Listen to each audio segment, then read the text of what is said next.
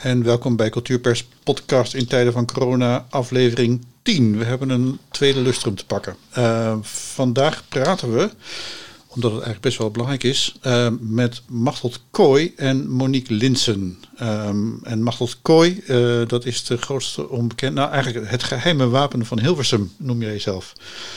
Um, je bent een, een mediatrainer, maar dan ook wel echt van de hele groten. En uh, Monique Linsen uh, is uh, uitgever van Van Duren uitgeverijen. Als ik dat even zeg, dat zeg dat goed zo, Monique? Van Duren Management en Anders. Ah, oké, okay. Van Duren Management en Anders. En je bent de uitgever van het boek van Machteld Kooi. En dat heet Het Monster met de Gouden Ogen. Als ik het even goed ja. heb. Machteld, wat is het monster met de gouden ogen? Even als eerste vraag. Dat is heel simpel. Dat is podiumangst, spreekangst. Mm -hmm. uh, want het is doodeng om voor een publiek te spreken, uh, voor een live publiek. Of voor de televisie als je geïnterviewd wordt, of voor een radio-interview. je krijgt trillende poten, een klamme huid, schubbig uh, ja, stoom uit je oren. Maar als je dat monster durft aan te gaan, dus als je die spreekangst gewoon durft te tackelen, dan krijg je gouden ogen. Want gouden ogen, dat is de toekomst die je dan ziet en die is goud. Het lacht je tegemoet. Wow, dat is een hele uh, goede uitleg. Uh, ik, had, ik had iets heel anders bedacht, maar ik dacht van, is, is dat Wat- een camera, de gouden dan? ogen? Zijn dat dan camera's of zijn dat de lampen? Of, of nou ja, dat, dat, en, en, eh, of, of, heb, je- of, of is ben je ooit zo genoemd zelf? ja, ik dacht even. Dat, Nee, nee, nee, ik ben nooit zo genoemd. dus geen, Ehm, ik moet wel zeggen, ik hoor het vaker dat mensen zeggen: Oh, ik moet denken aan een konijntje die in de koplampen kijkt en die dan helemaal verblind wordt. Maar dat is ook een prachtig beeld, want dat kan podiumangst ook met je doen. Dat je verlamd raakt en dat je blackouts krijgt. En daar gaat juist mijn boek over. Wat doe je nou als het misgaat of als je bang bent? En eh, dat staat het plezier van spreken in de weg. Daar wil ik je bij helpen. Ja. Eh, we, gaan het zo hebben over wat ik hier allemaal doe. We hebben geen beeld trouwens, dat zal ik je bij vertellen. Eh, dit is een podcast, dus het gaat puur om geluid. Eh, wij zitten hier wel nu met een verbinding via Zoom, het, wat op dit moment iedereen gebruikt in, in de wereld, geloof ik. We hebben geen aandelen. Maar ehm, het, het, is- wel, want het geldt natuurlijk wat, wat voor beeld en televisie geldt, geldt natuurlijk ook voor radio en, en podcasts, neem ik aan, Machteld. Jazeker, ik geef ook heel veel radiopresentatoren les. En mensen die in een radioprogramma gaan aanschuiven. Ja. Of dat een journalist langskomt om wat vragen te stellen voor, ja, het kan ook de regionale omroep zijn of voor een podcast. Dus ik help juist mensen die dat heel spannend vinden. Ja. En of het nou radio, tv of live is, dat maakt allemaal niet zo heel veel uit. Oké. Eh, ehm, Monique Linsen, eh, een boek eh, waarin je dit kan leren, eh, ligt dat voor de hand? Ja, dat denk ik wel. Ik heb ooit in het grijze verleden bij de Leidse onderwijsinstellingen gewerkt. En daar hadden we het adagium dat je zelfs schriftelijk kon leren zwemmen. Dus leren spreken moet zonder meer kunnen. En helemaal, zonder dat ik haar eh, meters hoog de hemel in wil prijzen, maar helemaal met een auteur als Machteld, die het gewoon is. Zij is een spreker, zij weet je te overtuigen. Het is zo jammer dat het een, een podcast is, want als je haar nu al ziet, ze weet dat het niet uitgezonden wordt, maar haar expressie, haar mimiek, de hele manier hoe ze met haar lichaam praat en zich er als het ware helemaal ingooit, dat zie je terug in het boek. Dus het kan absoluut. Het kan absoluut. Oké. Hey, Machteld, eh, eh, hoe, hoe, want, schrijven is niet jouw oorspronkelijke vak natuurlijk. Je, bent je bent door en door presentator, presentatietraining. Want eh, nou ja, ik stel te veel vragen tegelijk. Eh, Schrijven, hoe, is het om te schrijven? Gaat dat goed dan, zeg maar? En, Ehm, ja, dat is een leuke vraag. Eh, ik vond het heerlijk om te schrijven, omdat het me dwingt om heel erg te focussen. Wat vind ik nou hiervan? Wat kan ik hier nou over zeggen? Want het zit eh, tot nu toe allemaal in mijn hoofd. En het is heerlijk om dan dat op te delen in verschillende hoofdstukjes, want dat heb ik gedaan. Eh, het zijn zeven verschillende delen die allemaal gaan over een deelaspect van presenteren. En daar dan eens rustig op te focussen. Wat kan ik nou zeggen over wat is de juiste kleding om aan te trekken? Of wat kan ik nou zeggen over ehm, wat kun je met je stem allemaal wel of niet doen? Nou, dat vond ik zo mooi om me daar zo lang uh, in te verdiepen en uh, specifiek te zoeken op YouTube naar filmpjes die dat konden illustreren. En die focus vond ik heel erg lekker om te doen. Het is inderdaad iets totaal anders dan live lesgeven, maar het was een heel fijn proces. Oké, dat is mooi. Hey, nou, nou, nou wil ik even naar iets in de actualiteit toe. Uh, iets wat ons niet helemaal allemaal ontgaat. De reden waarom we allemaal thuis zitten en ook dit via een podcast op afstand doen. Uh, de coronacrisis. Um, en, en, en, er is heel veel te doen over de toespraak van Rutte. De eerste toespraak, geloof ik, de echte grote toespraak tot het volk. Um, wat, wat, wat, wat vond jij daarvan? Zeg maar technisch gesproken. Ja, ja, een hele goede vraag. Nou, ik zag hem en uh, eigenlijk was mijn boek al bijna klaar en we zijn nog met de correcties bezig. En toen dacht ik toch, oh, dit moet er nog in. En het is zo fijn, het is een hele flexibele uitgeverij. Dus uh, ik heb mijn uh, corrector, mijn redacteur gevraagd, mag ik nog iets veranderen? Want oorspronkelijk begon mijn boek met uh, het Songfestival. En ook de eerste voorbeelden op de eerste pagina's waren het moment dat Edcilia Rombly hoorde dat zij het Songfestival mocht presenteren. En hoe zij die avond daarover vertelde bij De Wereld Door. Nou, dat heb ik eruit gehaald. En ik heb uh, Rutte erin gefietst op het laatst. En um, ik zag die uh, speech van hem. En wat ik heel erg knap vond, was dat hij het van autocue deed. Terwijl hij normaal gesproken Alan Covist heel sterk is. En nu had hij kennelijk met mensen heel erg zitten slijpen aan een tekst. Want dat is het voordeel van autocue. Je kunt letterlijk zeggen wat er van tevoren bedacht is. Um, maar het probleem bij autocue is, dat klinkt dan vaak meteen heel erg opgelezen. En wat ik knap vond van Rutte was dat het bij hem niet opgelezen klonk. Tussen de stiltes door klonk hij toch um, ja, alsof hij het verzon ter plekke. Um, hij had niet dat voorleestoontje dat je wel eens ziet. En wat ik ook heel mooi daaraan vind, is dat hij tussen de zinnen door echt lange stiltes durfde te nemen, waardoor de zinnen konden bezinken. Want je moet je voorstellen, op zo'n moment draait de tekst voor je ogen gewoon door.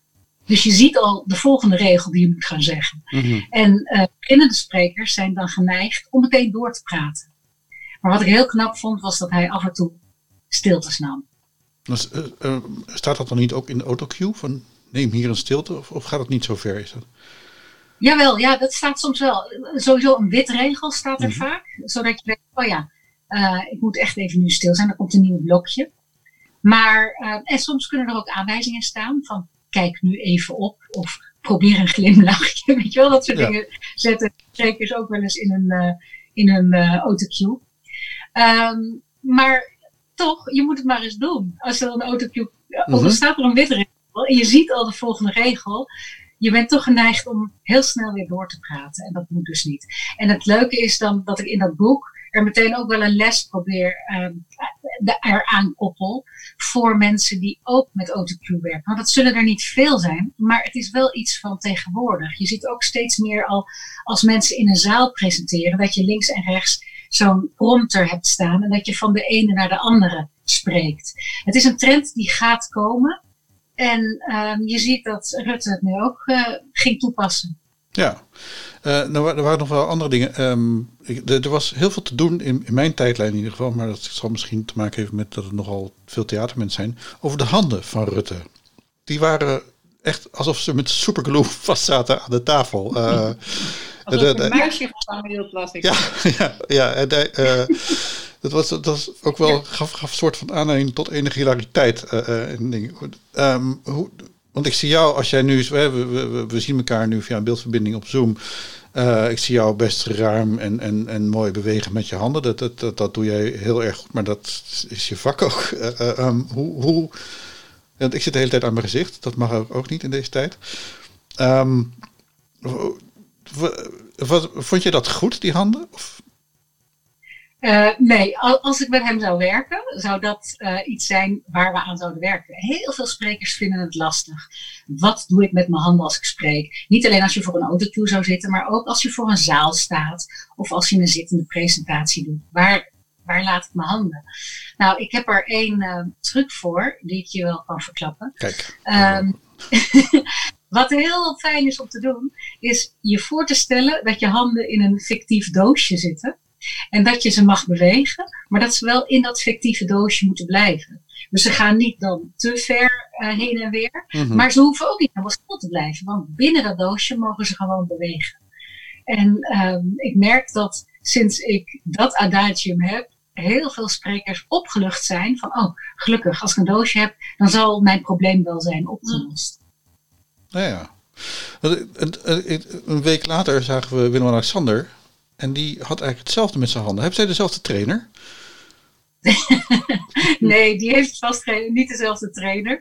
Eh, ook bij hem jeukte mijn handen hoor. Nou, heel graag. Oh, dat is echt mijn droom.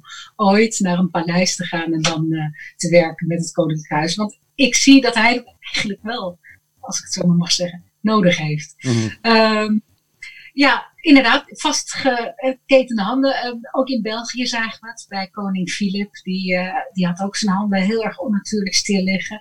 En in Italië, eh, de minister-president, die heeft laatst eh, het land op slot gedaan met zo'n lockdown speech. En die had zijn handen zo voor zich, iedere vinger tegen elkaar aan, niet bewegend, de hele Wow. tijd zo. Ja, het, het- die handen, het ziet er heel vaak heel onnatuurlijk uit.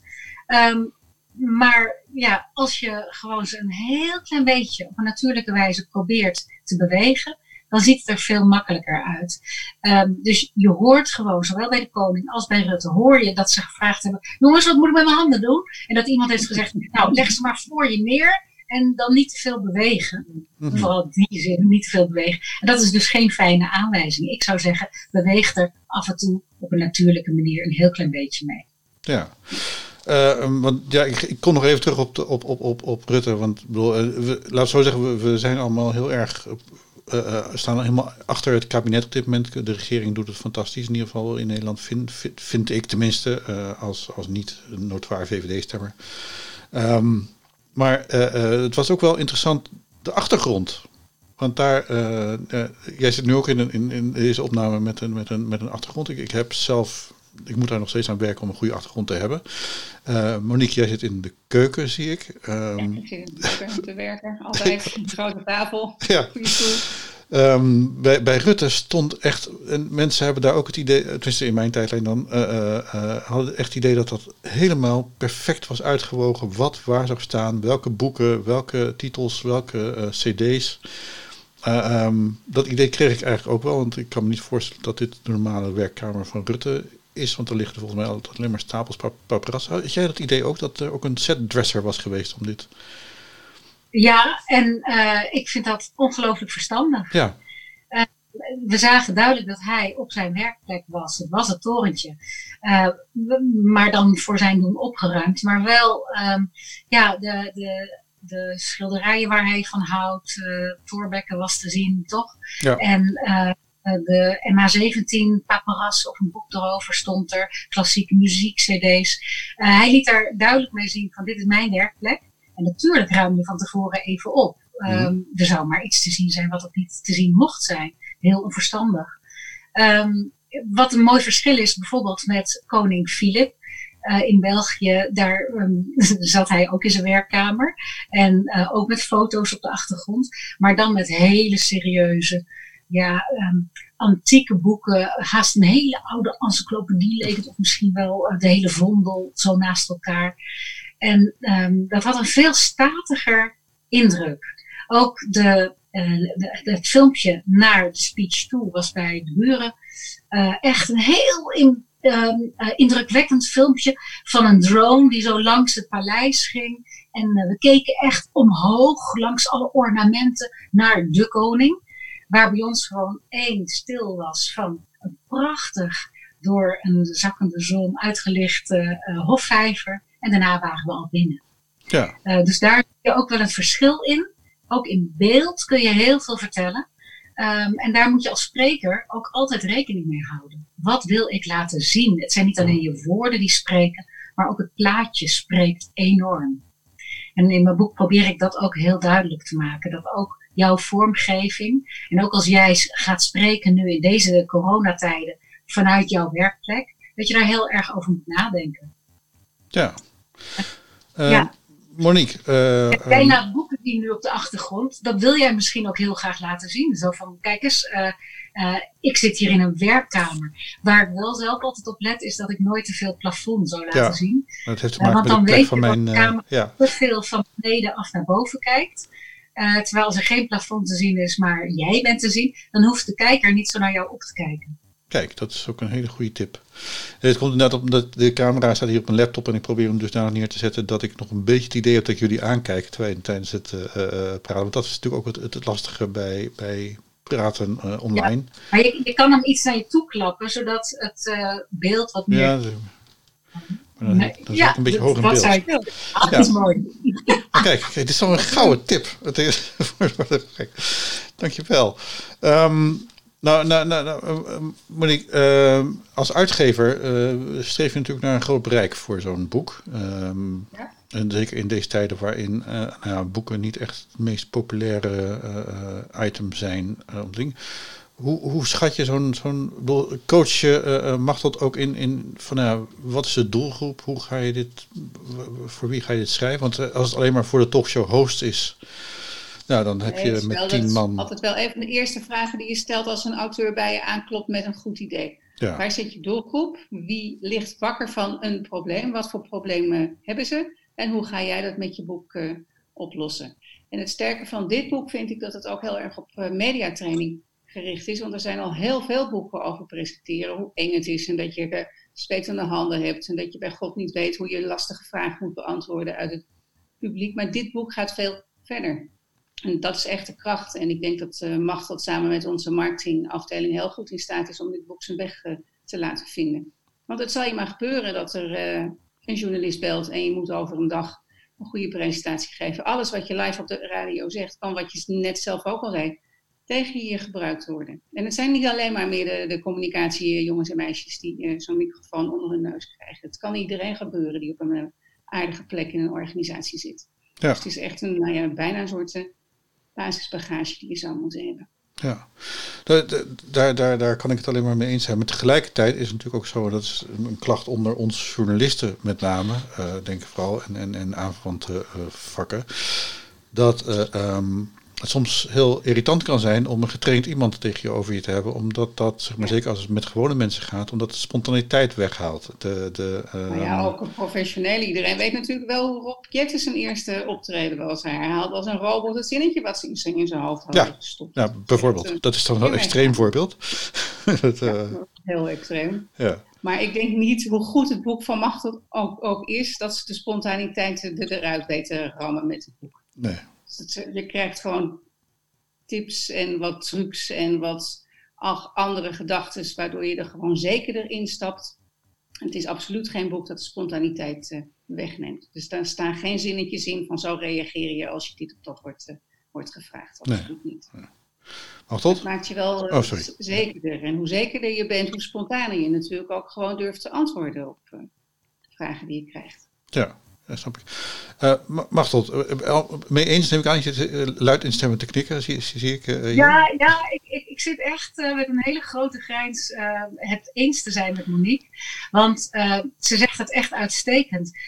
ik denk dat jij er als journalist eerder last van hebt als iemand het alleen maar spannend en eng vindt en helemaal in paniek slaat. Dat is veel erger dan iemand die gewoon goed weet. Nou, ik heb echt iets moois te vertellen en dat ga ik jou vertellen. Um, maar ik ben niet iemand die zegt van, dan heb je een kernboodschap. En die kernboodschap moet je vertellen. Want dat is een woord dat heel veel mensen gebruiken. En uh, veel communicatiemensen. En ik ben daar niet zo van. Ik ben echt van het verhalen vertellen. Dus ik vind het heel mooi om um, te beginnen met een verhaal. Ik noem dat de crime scene. Dat je heel persoonlijk uh, jouw verhaal gaat vertellen. En inderdaad, zo'n Rob Jette, dat, die komt inderdaad ook voor in mijn boek. Dat vind ik ook zo'n mooi voorbeeld. Daar zie je zo aan dat je kunt um, als een soort machine jouw boodschap steeds maar herhalen. Of je kan denken, weet je wat, aan de ene journalist bied ik dit aan en aan de andere journalist bied ik dat aan. Niet een ander verhaal, maar een andere invalshoek of net een ander voorbeeldje of een andere eigen bijdrage. En dat uh, werkt heel erg goed. En daar heb jij als journalist alleen maar lol van. Mm Ja, dat, dat, hoop ik zeker. Ehm, nu, nu, noem je net wel een, een goed woord uh, waar, waar ik dan ook direct op aansla. Uh, verhaal. Um, de, de, de, de in de Engelse versie storytelling is het een buzzword geworden. Buzzword meaning dat, het, dat, dat mensen het ook weer een ondraaglijk cliché vinden. Um, maar ik merk zelf, als ik mijn de journalisten ook van cultuurpers en mezelf ook daar, daaraan herinner, van vertel een verhaal breng niet nieuws, maar vertel een verhaal. Je maakt het persoonlijk. Zorg, dat je een, een, een, uh, een persoonlijk haakje hebt, waardoor mensen denken: oh, dit gaat echt over iemand. Um, hoe, hoe doe je dat met zeg maar, het trainen van, van talkshow gasten? Maar misschien zelfs ook wel met talkshow hosts. Want, want, want de, de, de gastheer moet eigenlijk, zo, eigenlijk ook daar zitten met zijn eigen verhaal. Um, hoe, is, heb je daar tips voor? Of ga je dan echt in een soort ja. gestaltachtige training met die mensen van nee, maar haal je verhaal boven. Wat, wat, wat, wat, wat, nee, wat doe je? Nee. nee. het is helemaal niet eng of moeilijk. Het is juist heel simpel. Uh, je hoeft alleen maar uh, te denken aan welk onderwerp wil ik gaan neerzetten. Uh, nou, bijvoorbeeld in dit geval, ik wil het graag hebben over mijn boek, Het monster met de gouden ogen. Nou, stel dat ik daar nou voor word geïnterviewd en we weten van, nou, het is een kort interviewtje, je mag drie minuten iets zeggen. Uh, als een journalist uh, eerst een hele grote vraag stelt, hè, van waar gaat jouw boek nou eigenlijk precies over? Dan weet je van ja, ik kan nu anderhalve minuut een heel slap verhaal gaan houden uh, in het algemeen.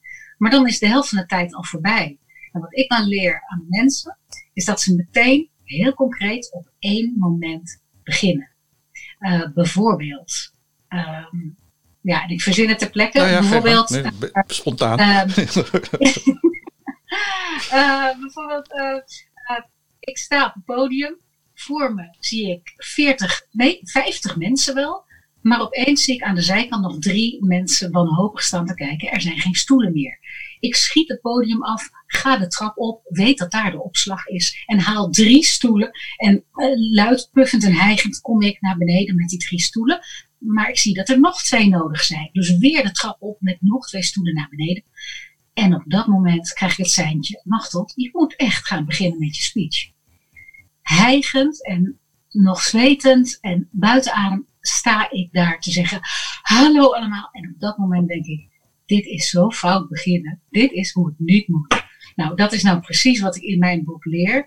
Uh, wees niet altijd te aardig. Uh, ga niet zelf alle problemen oplossen. Maar schakel andere mensen in. Geef even een seintje. Hé, hey, er staan daar mensen te wachten op een stoel. Regel jij even stoelen. En hou zelf als spreker altijd de rust vast. Daarover gaat mijn boek. Kijk, dan geef je een één scène uit jouw leven. Je haalt als het ware de luiken omhoog en je, je geeft je meteen bloot. En je koppelt er daarna aan dat dat het onderwerp is waarover je wil praten. Want, en dan ga je nog anderhalve minuut praten over wat je dan allemaal kan leren in een boek.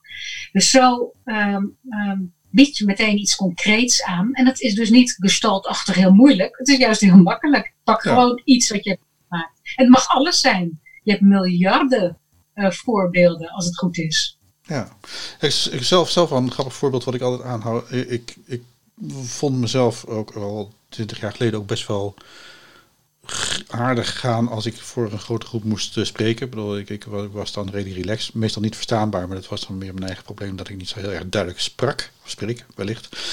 Um, toen stond ik op een gegeven moment in de Schouwburg van Amsterdam, tegenwoordig ITA.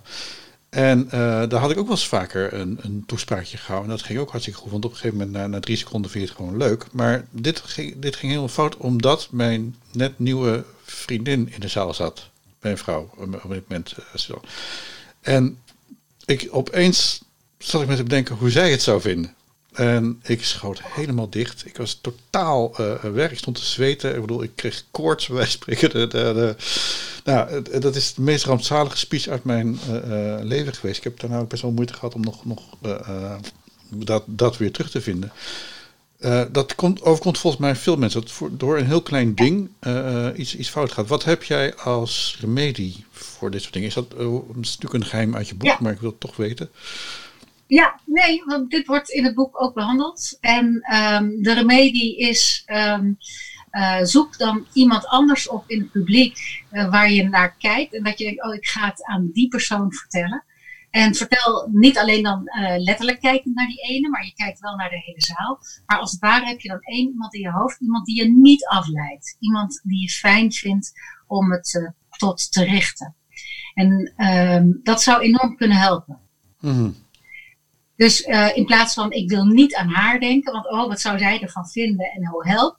Ga je gewoon denken van oh, maar daar zit de directeur van de Schouwburg en dat vind ik een fijn mens.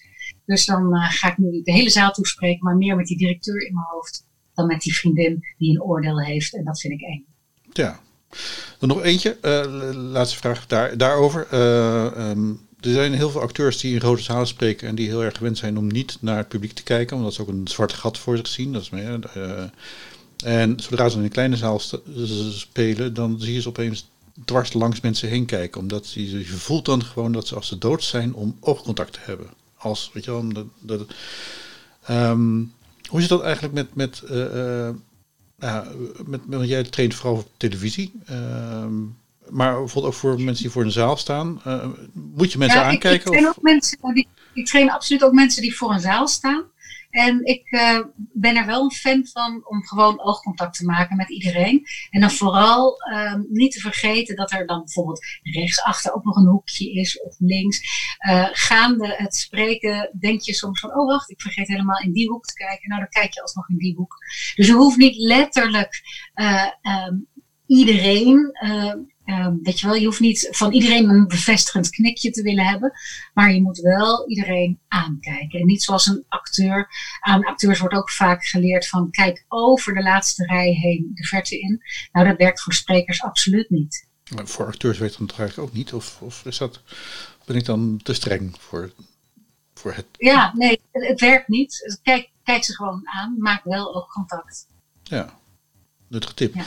Uh, Monique, uh, als uitgever, de, de release van het boek staat gepland uh, voor 19 mei, begreep ik. Um, maar sinds maandag weten wij dat in 19 mei Nederland nog een beetje op slot is. Um, 1 juni mogen we weer de straat op, misschien. Als, als, als, als we ons nu een beetje aan de regels houden en de zaak een beetje wordt ingedampt. Um, wat, wat zijn de plannen voor de release van dit boek? want het moet natuurlijk wel een feestje zijn. Ja, het moet zeker een feestje zijn, maar daar hebben we het nog niet over gehad. Okay. Dus we gaan het denk ik, als Machteld het daarmee uh, eens is, um, uitstellen. Want dit boek uh, Machteld verdienen gewoon wel een groot uh, podium. Het is ook ongelooflijk zonde om dat podium niet te pakken met Machteld als, als spreker en als auteur. Dus wat mij betreft stellen we het wat uit. Want om dit nou digitaal te gaan doen of om het überhaupt niet te doen, dat is echt absoluut een gemiste kans. Ja, Hey, en, en wie kunnen we dan verwachten, Machtel, op het uh, feestje? Want uh, ik, weet dat jij, dat jij een heel groot geheim maakt van uh, de, de, mensen die jij allemaal traint. Um, nou, volgens mij zitten daar een paar hele grote bij. volgens mij alle, alles wat op de gemiddelde avond talkshow zit, daar, die, die zijn wel bij jou langs geweest. Klopt dat? Ja, dat klopt. Ik zie per avond echt wel drie, vier mensen langskomen uh, waarvan ik denk, hé, hey, die heb ik getraind. Soms ook wel langer geleden hoor, omdat mm -hmm. ik ze dan aan het begin van hun carrière stond om ze een uh, zetje te geven. Maar soms ook nog heel recent, omdat ze dan toch denken van wow, ik ga opeens een nieuwe talkshow doen. En ik wil even met je zitten om te kijken of het goed gaat. Um, maar of die allemaal ook echt letterlijk naar mijn boekpresentatie komen, dat weet ik niet. Um, ik weet ook niet of ik ze wil uitnodigen. Ik, ik vind het ook leuk om met mijn boek uh, naar bepaalde mensen toe te gaan en het ze dan live te overhandigen. Mm -hmm. uh, dus ik dat ook zeker gaan doen als we elkaar allemaal weer mogen ontmoeten later, ooit. Ja. Um, dan, dan, uh, dan, en dan kunnen we ze misschien herkennen aan hun handen in dat doosje. ja, precies. Ja. ja. mijn boek in de handen en de handen in het doosje. Ja, inderdaad. Ja. Maar het is, het is mooi. Het is echt mooi hoor. Om te zien dat mensen dan met veel plezier ja, voor de camera staan. Ja. Wat is ja. er nog iets anders waar we staan kunnen herkennen, behalve hun handen in het doosje? Um, ja, dus de persoonlijke verhalen. Uh, dat is wel echt mijn handtekening. Ik krijg wel eens appjes van mensen die zien dan iemand een heel persoonlijk verhaal vertellen. En die appen mij dan van, heb jij die soms getraind? Uh, um, um, bijvoorbeeld, uh, nou ja, goed.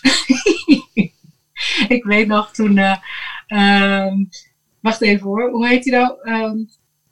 Uh, de, die hele uitgeleider met de, de Dacia. Uh, ja, uh, ja. Halbe Zijlstra, die, die naam vergeten we deze tijd. Ja, Halbe Zijlstra. ja. Toen werd aan mij gevraagd, Machtel, heb jij die soms hoe hij dat vertelde, leek enorm op mijn techniek. Dat is een storytelling verhaal. vertellen waar je bent. Maar ik, ik, echt, ik heb hem niet getraind. En ik zou ook nooit willen dat iemand zou liegen voor de camera. Nee. sowieso niet maar ook niet in een interview of in uh, je prestaties. Dat helemaal niet handig om te doen. Dus uh, nee, die had ik niet getraind. Maar de persoonlijke verhalen is mijn handtekening. En wat wel een handtekening is, is echt met rechte rug zitten. Ik, ik zag bijvoorbeeld laatst um, een, een zeer goede vrouwelijke politica tussen allemaal mannen ergens zitten. En toen dacht ik, wow, wat hou jij prachtig staande. Uh, want uh, juist er durven te zijn en niet bang tussen allemaal hele grote namen, maar er enorm opkomen voor wat jij wil vertellen. Ja, dat, dat, dat is wel mijn handtekening. Kijk, dat is mooi. Ja, sorry, ik, ja, we zitten eigenlijk al over het half uur heen. Uh, maar goed, dat, dat, blijft interessant. Ik ga nog even heel kort door.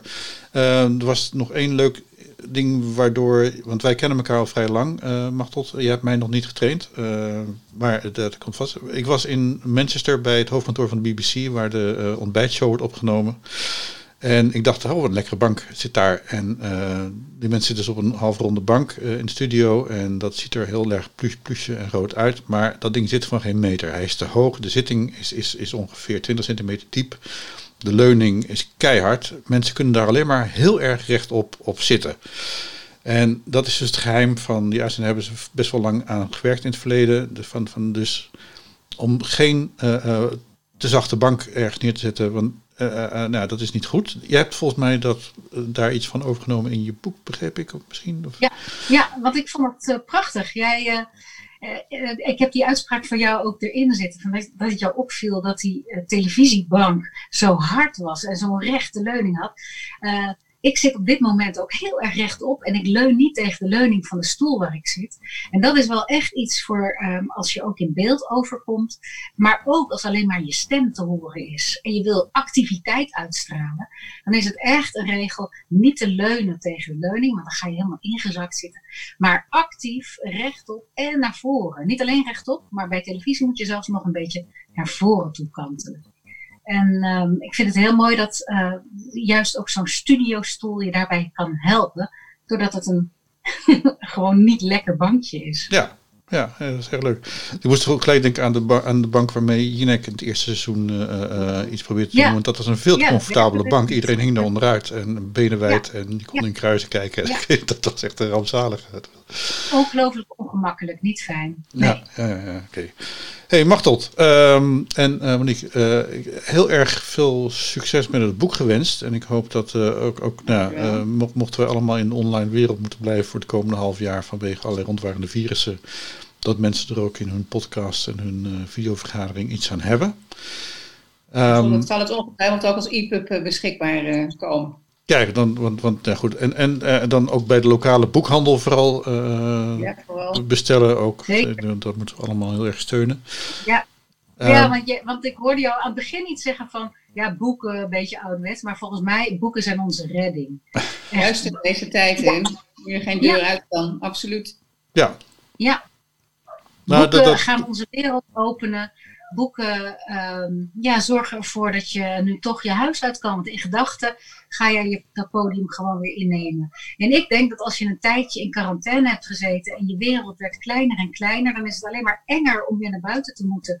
En je mensen te gaan toespreken op jouw afdeling of uh, in een praatje. Terwijl dat wel heel nuttig is. Van jongens, kom op, nu zijn we er weer met z'n allen, we gaan er weer lekker. Nou, dat moet je vol verven doen en daar heb je maar één keer een kans voor om te stralen. Dus doe dat goed. Oké. Okay. Hey, dankjewel. Dit waren fantastische laatste woorden. Uh, ik gooi nog even de eindtune er doorheen en dan uh, stoppen wij de opname. En dan hopen wij jullie snel weer te zien en in, in mooie presentatietijden. Oké. Okay.